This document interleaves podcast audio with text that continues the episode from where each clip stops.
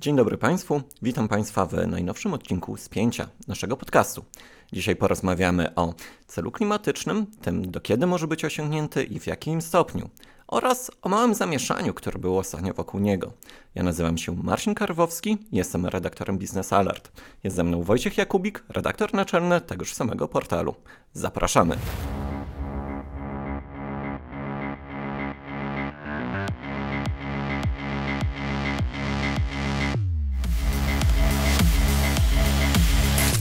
Ostatnio do opinii publicznej znowu przeszedł temat celu klimatycznego oraz tego, do kiedy powinniśmy go osiągnąć i w jakim stopniu. A wszystko za sprawą wiceminister klimatu Urszuli Zielińskiej. Podczas spotkania w Brukseli powiedziała, że Polska do 2040 roku powinna osiągnąć redukcję emisji gazów cieplarnianych rzędu 90%. Wiele osób wzięło to za deklarację rządu polskiego. Do słów odniósł się m.in. wicepremier Władysław Kosiniak-Kamysz, który kategorycznie powiedział, że nie jest to stanowisko rządu polskiego, a prywatne zdanie wiceminister Urszuli Zielińskiej. Nie ma takiego stanowiska rządu, nie będzie na to zgody nie tylko PSL-u, ale wszystkich ugrupowań tworzących koalicję, tak powiedział nasz wicepremier. Polska gospodarka jest priorytetem, co wyraźnie zaznaczył, i oczywiście rząd polski dąży do ochrony środowiska i redukcji e, emisji gazów cieplarnianych, Niemniej nie będzie to zadeklarowane 90% do 2040. Wojtku, cele klimatyczne, zarówno te krajowe, jak i unijne. Jak wyglądają i do kiedy tak naprawdę musimy je osiągnąć? Należy zacząć od rozróżnienia właśnie na cele unijne i krajowe, ponieważ mamy generalny cel na poziomie Unii Europejskiej zakładający, że w 2050 roku osiągniemy jako Unia Europejska w całości neutralność klimatyczną, czyli będziemy mniej więcej tyle samo emitować dwutlenku węgla, ile e, skonsumujemy, ograniczymy, wchłoniemy, na różne sposoby ograniczymy, to znaczy będziemy neutralni netto. E, warto zaznaczyć, że gdzieś za tym celem, jeszcze w następnych e, dekadach, będzie być może ujemny bilans klimatyczny, czyli będziemy jeszcze więcej redukować niż emitujemy, ale o tym w ogóle jeszcze nie prowadzimy dyskusji na poziomie unijnym. Mamy kompromis wewnątrz Unii Europejskiej, że jako całość, czyli 27 państw, razem będziemy redukować emisję o yy, tyle, żeby osiągnąć tę neutralność w 2050 roku.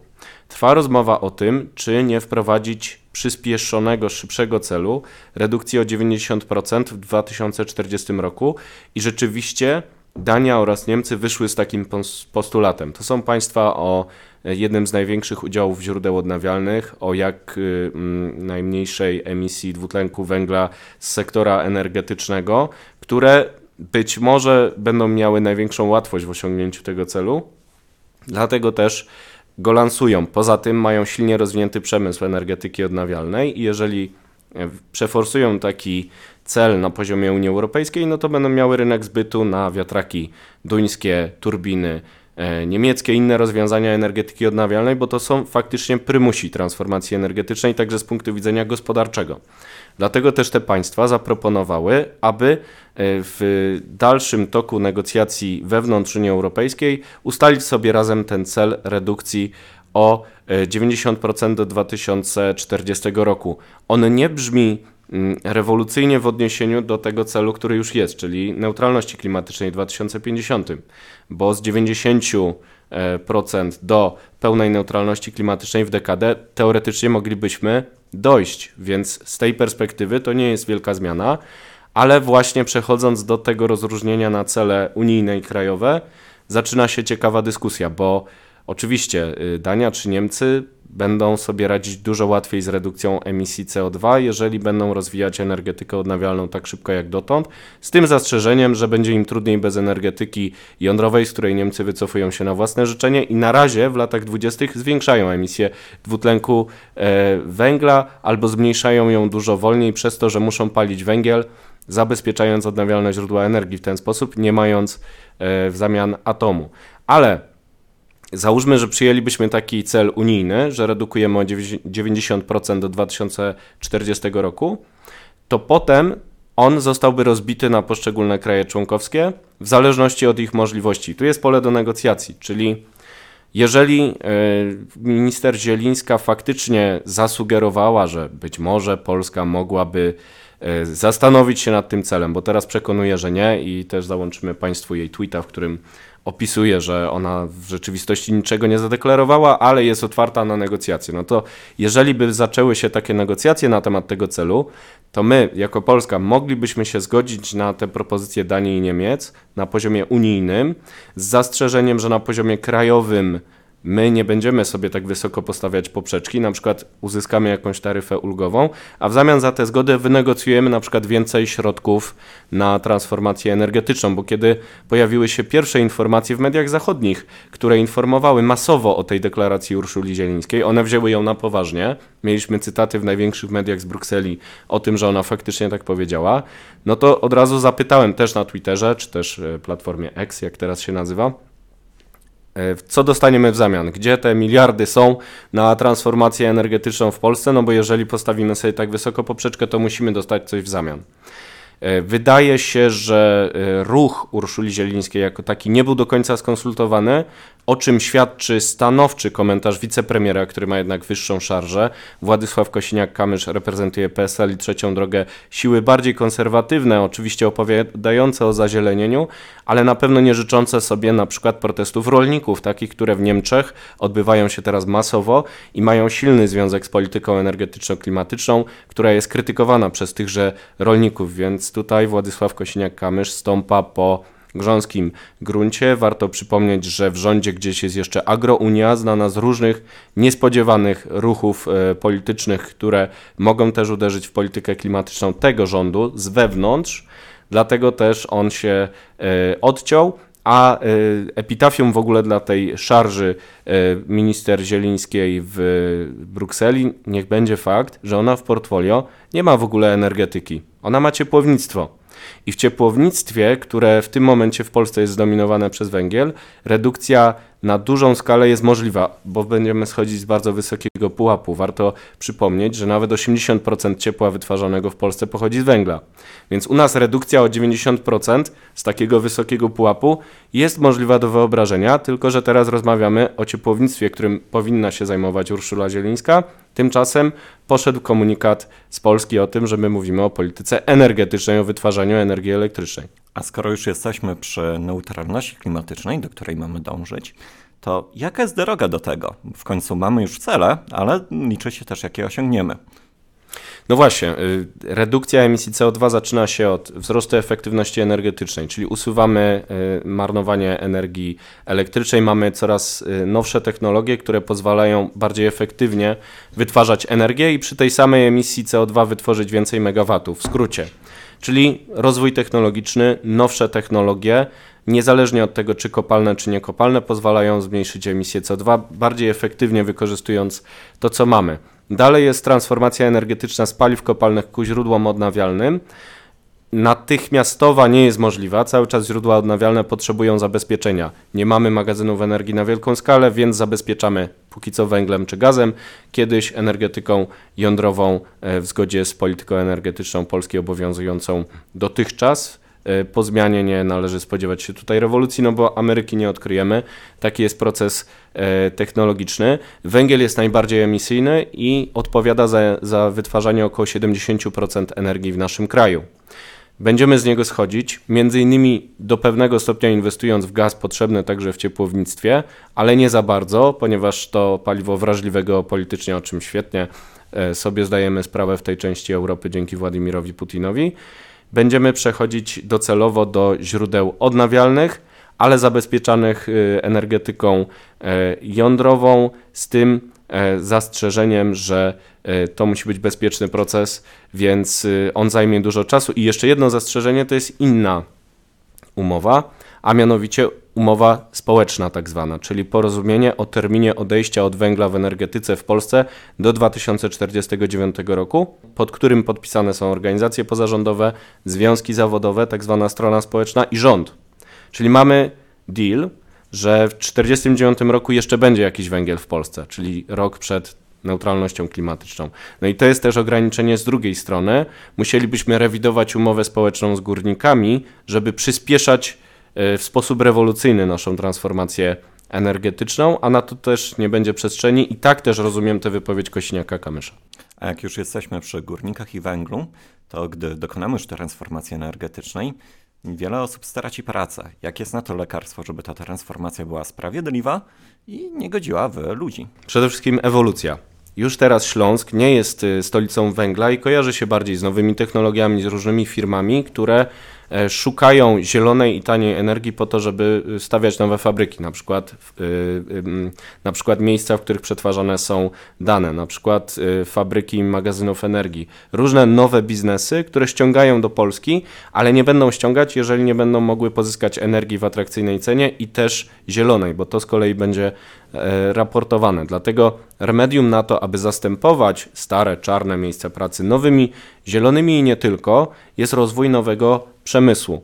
Dobrze zaplanowana transformacja energetyczna musi mieć charakter ewolucyjny i zakładać rozwój nowych branż, na przykład poprzez rozwój morskiej energetyki wiatrowej z jak największym udziałem kapitału krajowego. Tutaj niestety mamy pewne zapóźnienia, bo wielki port instalacyjny, taki jak e, na przykład duński port e, instalacyjny w Esbjerg, który widziałem w zeszłe wakacje na miejscu, E, w Polsce niestety na razie nie powstanie, bo blokowaliśmy przez długi czas środki z Krajowego Planu Odbudowy, które miały go finansować. Czyli w Trójmieście takiego portu na razie nie będzie.